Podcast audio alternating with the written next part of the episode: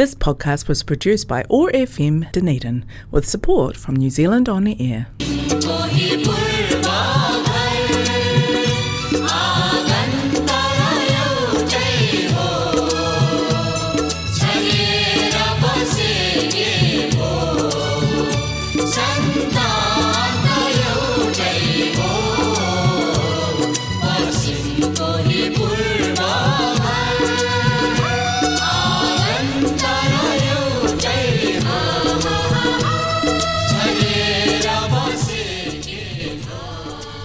नमस्ते।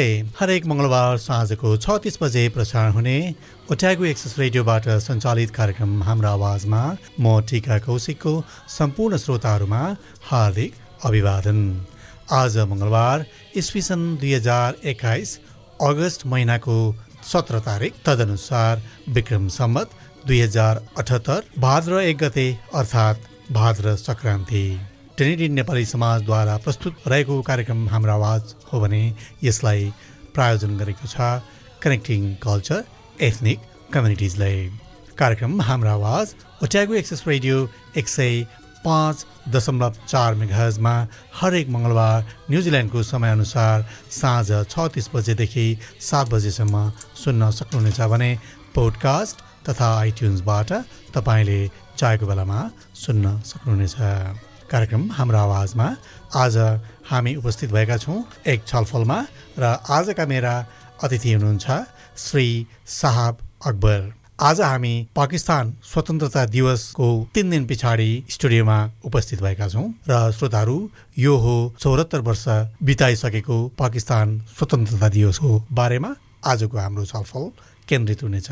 र आजका मेरा अतिथि साहब अकबर करिब चार वर्षदेखि न्युजिल्यान्ड बस्दै आउनुभएको छ भने करिब चार वर्ष उहाँले अस्ट्रेलियामा पनि बिताइसक्नु भएको छ वेलकम टु द प्रोग्राम साहब Bismillahirrahmanirrahim. Assalamu alaikum. Kiara, thank you. Thank you for inviting me. Could you please introduce yourself so that my listeners would know who you are? Well, um, I am uh, Sahab Akbar and I live in Dunedin. Uh, originally, I hail from Pakistan. Um, I come from a part in geographical center of the country that's called Bahawalpur. It's also known as Shahri Salam Bahawalpur. It used to be a princely state before the creation of Pakistan, and now it's a place that's thriving as in the geographical heart of Pakistan. Wonderful. You are very, very welcome to this show, Hamro Awaz. Thank you so much. Um, you are very special to me today because um, it is a new record for my show that you are the repeated guest for today. And today's our talk will be focused on the independence of Pakistan and some of the things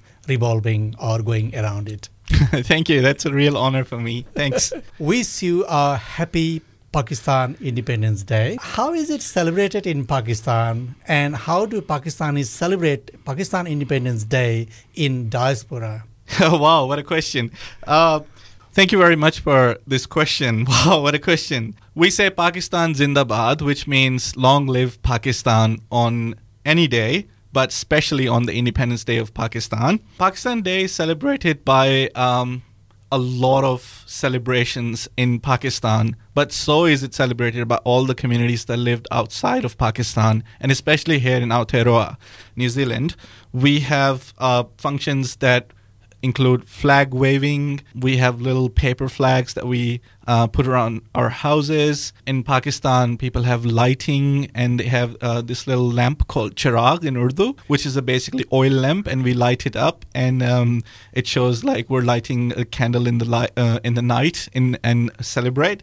And also, a lot of people wear green and um, white color clothing. Women put henna on their hands. We make a lot of sweet. Pakistanis have a sweet tooth, so there's a lot of sweet food that goes around and everybody just uh, hugs people and wishes people that Happy Independence Day. It's a real time for celebration in our community. Is there any program um, coming up about the Pakistan's Independence Day celebration in New Zealand? Actually, it's good that you asked that. Um, in Dunedin, there's going to be a program um, held by Pakistani Association of New Zealand. Um, I think on the Saturday of the 28th or 29th, something like that, of August. And every year it's being celebrated. And I think all across uh, regions of New Zealand, uh, Pakistani Association of New Zealand does host events, and a lot of our community members show up to them. I think I'm invited to attend that um, program, so I'm quite excited to attend it. Well, I'm not the organizer, but you're more than welcome to come with me as a guest anytime. Okay, uh, British colonized um, about 171 countries out of 200 countries, and all of them got independent now.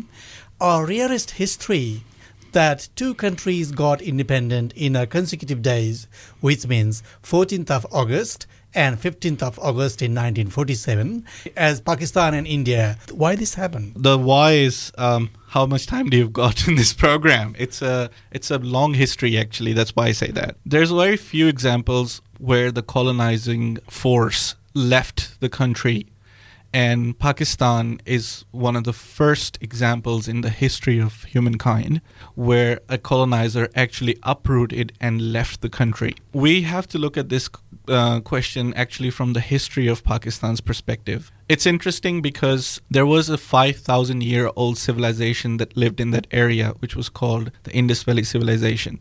And there was also a Ganga Yamuna civilization that lived there as well.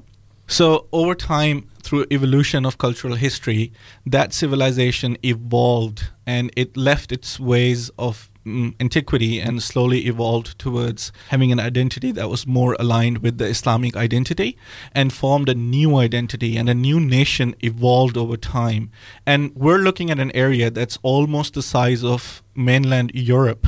So, if you look at how many countries are there in Europe, I mean, it's unnatural for an area of subcontinent. I mean, it's called a subcontinent for a reason to have only one diaspora and only one ethnicity. And it's very unnatural for a very small island nation all the way uh, in Europe to rule over it. So there's a geostrategic kind of a difference there. So it was very difficult for the British to rule over this land, and the British colonizers um, were really exploiting the land and curbing the rights of the people.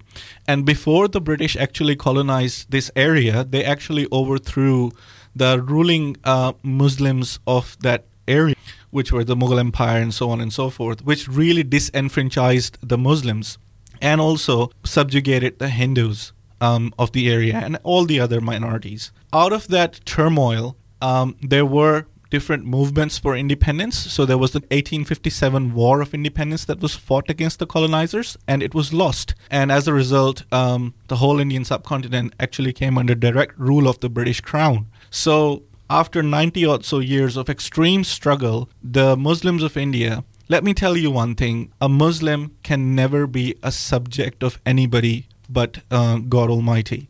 It's bound in the religion to be free they can obey to laws and be a, a good participatory citizen, but they cannot bow down to any other, let's say, subjugation or oppression. And that's what caused the Pakistan movement to happen. And this movement caused on the 14th of August 1947 for the formation of Pakistan.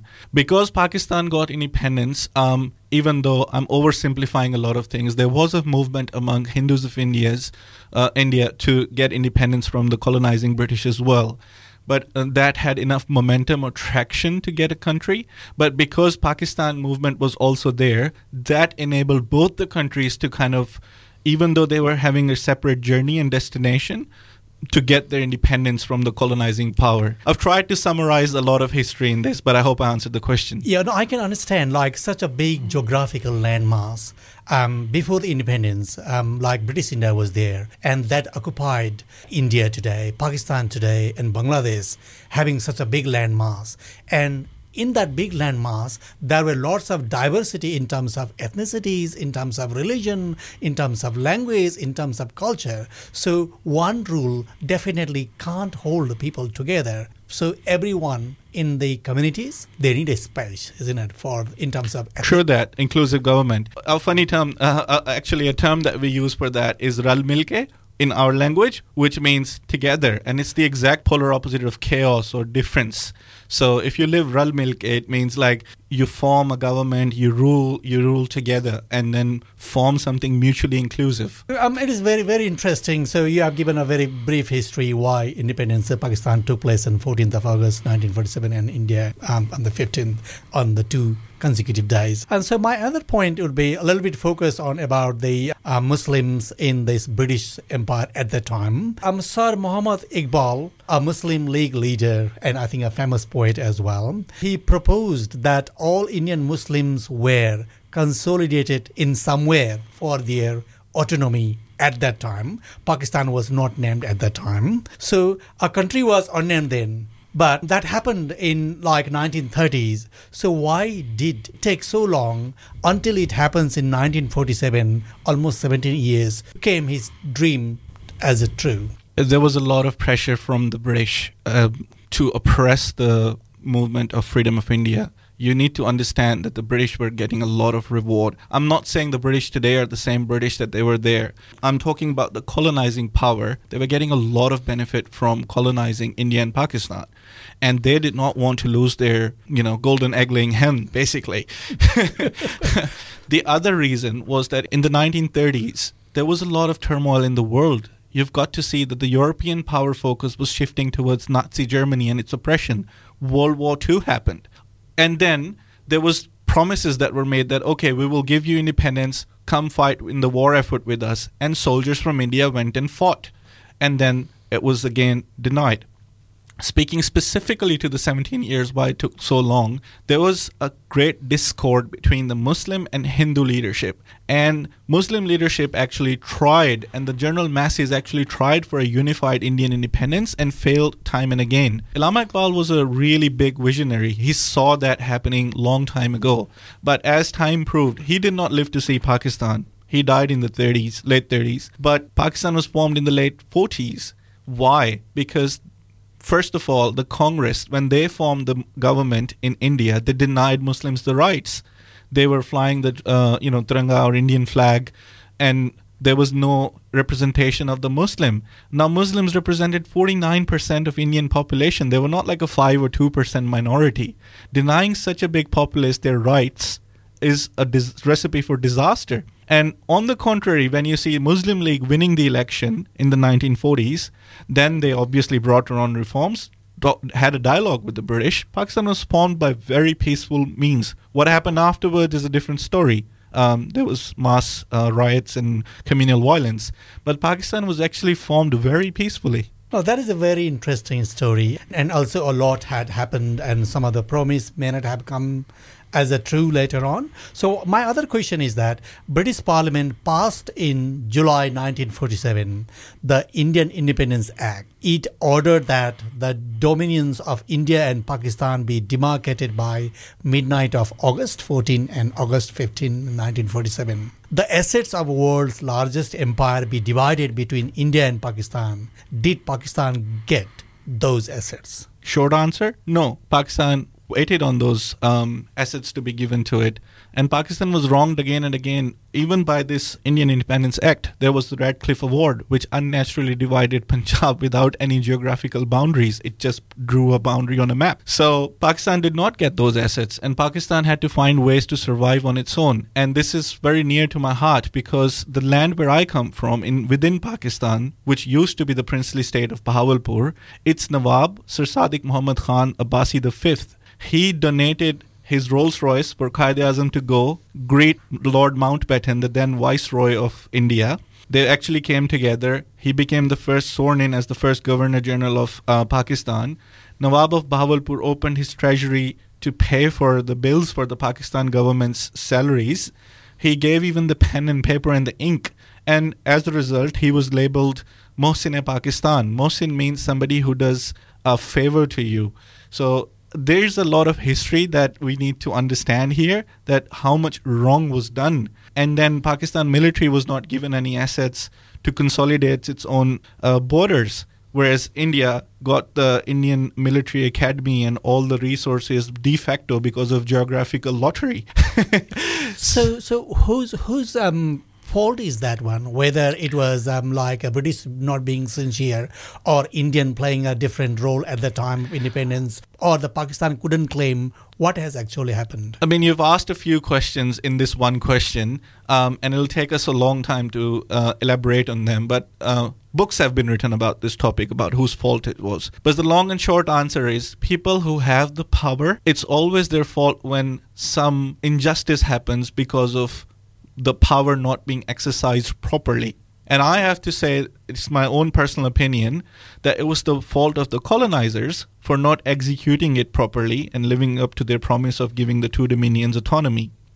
It was also the fault of people who were trusted to give this to Pakistan. So it's not like the victim can point the fingers at every direction, but we need to look at history with a very objective lens there and see that the people in power there, who were they, who were the main actors there, and what were they doing to deny those rights to Pakistan? Yeah, so actually the British should have monitored this one and make sure that has done, but that didn't happen. Well, yeah, the British and the Indian government of that time. So sad that uh, the, those assets were not in the share of the Pakistan today. It would have made such a big difference. Yes, it could have helped a lot of people, millions of people with poverty and all those situations. Yeah, it was a humanitarian disaster. And one other confusing part that um, for me and could be many other people is that name Punjab, it has a land in Pakistan. Also, it has a land in India. No. So could you clarify why this happened? I mean, I briefly touched on it. Um, that's what I was talking about about the Radcliffe Award that was done by the British.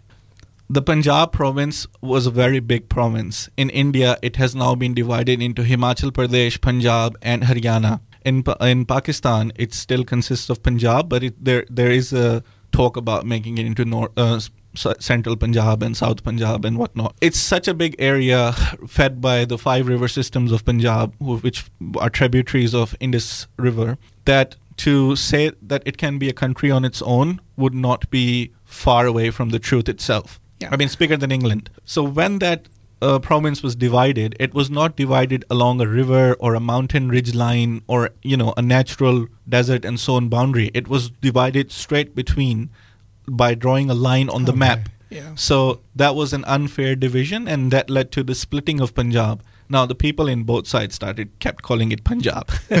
no, it was uh, like a long time ago when I studied the. It was Indian geography, also in history, especially in Indian geography. I have learned that Punjab is the land of five rivers. But later on, I explored myself that uh, all that means Indian Punjab does not hold all five rivers. You know, so history is sometimes uh, rubbish, and though written, it is always incomplete. What is the best way to learn about Pakistan? and where can uh, those reliable materials be found? I mean, um, go and visit Pakistan, see the place itself, meet the people itself. Um, that would be the best way to start because when you visit a place, when you put a geographical truth to an actual truth on the ground, then you can compare your learning and your experience to what's actually in front of you. So, meeting the people of Pakistan, going and visiting Pakistan is a good place to start. Also, we need to move away from a lot of history that's being written with an agenda. And let's look at it uh, from a perspective of what happened in terms of events. And that can probably help us form a timeline of what happened and learn through history because it's a story on a timeline. Yeah, definitely. The history is written um, by the people who have got the power or who, whose perspectives are widely accepted in the community. So, therefore, it is never a complete. So, thank you so much for your um, uh, suggestion that the best thing is to visit the place locally. We are almost uh, finishing our time, uh, just a couple of minutes left, um, Saha. So, what are the fascinating things of Pakistan? Why should tourists visit Pakistan? Pakistan has got all four seasons. Pakistan's got um, mountains, deserts, um, rugged mountains, as well as green mountains, glaciers. Pakistan's got K2, which is the second highest peak in the world, and five or six out of the ten tallest peaks are in Pakistan.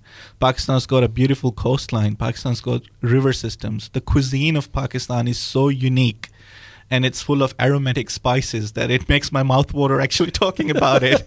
no, I too have my mouth watered. and then, if you want to experience true hospitality in the word of it, and I'm not saying it as a Pakistani, but I also experience it when I go back home and I re- experience reverse culture shock um, from New Zealand. It's a place which really strikes you with its hospitality. People stop taking money from you when they know that you're visiting as a guest and they don't charge you for food. They'll drop you to your home. And contrary to popular belief, Pakistan is really safe. Um, I mean, I've got a, a Kiwi wife and she had her apprehensions about visiting Pakistan, but once she visited it there with uh, for our wedding in since then. I mean, I wish that the we lived in a world without COVID and we could go every year for holidaying there. It's uh, it's got all four seasons and it's really cheap. I mean, for a holiday in Pacific, you could actually go to Pakistan, spend a month or two there traveling and enjoying, and the roads are not as bad either. Um, thank you so much for that information. Um, that uh, in a holiday trip, uh, make your destination as Pakistan to see that difference, to understand about the history, to understand about the culture, and to taste the Pakistani food. Yeah, I'm glad you said history. Yes, I forgot that one. There's a lot of history. Go see yeah. a living 5,000 year old civilization. what could New Zealand do to help Pakistan? New Zealand has helped Pakistan a lot. They helped us build dams there back in the 60s. New Zealand has also helped Pakistan on the global forum, standing up for what is right and true in terms of democracy and Pakistan being a frontline state fighting against terrorism. New Zealand helped there as well. It was money aid, it was moral support, and I think New Zealand can help a lot by having an open mind. And there's a lot of money and financial interests that are right now, thanks to India in that region. But we need to understand that Pakistan could be a key factor in making friendly relations with China as well as in the region, it could be a very strong base. So, a political, diplomatic, I mean, New Zealand's present policy that was um, announced recently was in the Pacific. I don't have a problem with that, but it'd be good to have a bit of a policy around regional, um, you know, Middle East around as well and have Pakistan as an ally there. And that would really help Pakistan's interest as well, because Pakistan actually is a global contributor to peace and global citizenry. And I think that's something that New Zealand strongly believes in as well. And as a as a non-corrupt, very morally upright country, New Zealand can really help Pakistan by its friendship. So if you put it all in a word, um, I mean, tactically it could look in a very different way, but yes, Pakistan can be helped with friendship because Pakistan can. Um, I don't speak for Pakistan, but I know that Pakistanis, being myself one, if somebody was be friendly to us, we would be twice as friendly back to them. No, it is. It is very interesting. Okay, Sahab. Um, so the time passed so quickly that I felt I couldn't um, ask any more questions. However, what would you like to say to the listeners, um, those who uh, could listen this uh, radio show? I'd say Pakistanis are often misunderstood as people. And I would also say that um, Pakistanis are an idea. They're not just a group of ethnic people.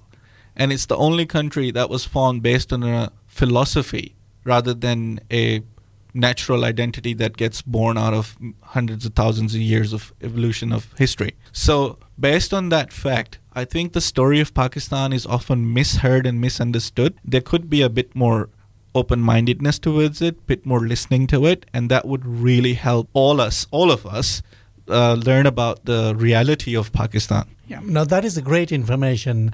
Um, once upon a time, when I studied the history and the geography, I have heard about the um, Harappan civilization. I have heard about Mohenjo-daro civilization. In today's geography, I came to know that that falls in geographical land of Pakistan. So I can understand um, how interesting is that, how rich is the history. Yeah, thank you so much for such a lovely talk and for bringing a lot of information, Shahab. Thank you so much thank you for inviting me कार्यक्रमको निर्धारित समय सकिन लागेको छ। आदरणीय श्रोताहरू तपाईँहरूले आफूले चाहेको बेलामा कार्यक्रम हाम्रो आवाज सुन्न सक्नुहुनेछ। यदि तपाईँ आइओएस चलाउनुहुन्छ भने सिधै आइट्युन्सबाट र एन्ड्रोइड चलाउनुहुन्छ भने तपाईँले पोडकास्ट एपबाट हाम्रो आवाज टाइप गरेर सर्च गर्नुभयो भने हाम्रो आवाज ओट्यागो एक्सेस रेडियो स्वत देखिन्छ। त्यसमा क्लिक गरेर आफ्नो अनुकूल समयमा सुन्न सक्नुहुनेछ। पोडकास्ट एपबाट यहाँहरूले सब्सक्राइब पनि गर्न सक्नुहुनेछ। टेनेडिन नेपाली सोसाइटीको फेसबुक पेजबाट पनि कार्यक्रम हाम्रो आवाज सुन्न सक्नुहुनेछ। जाँदा जाँदै कार्यक्रम हाम्रो आवाजका प्रायोजक कनेक्टिङ कल्चर र यो आवाज तरङ्गित गराउने ओट्यागो एक्सेस रेडियोलाई धेरै धेरै धन्यवाद। त्यस्तै गरी आजका मेरा अतिथि साहब अकबरलाई पनि मुरी मुरी धन्यवाद भन्दै आउँदो मङ्गलबार साँझ छ तिस बजे फेरि भेट्ने बाचाका साथ प्राविधिक मित्र जेफ र म टिका कौशिक। ओजेल हुन चाहन्छु। नमस्ते। शुभरात्री।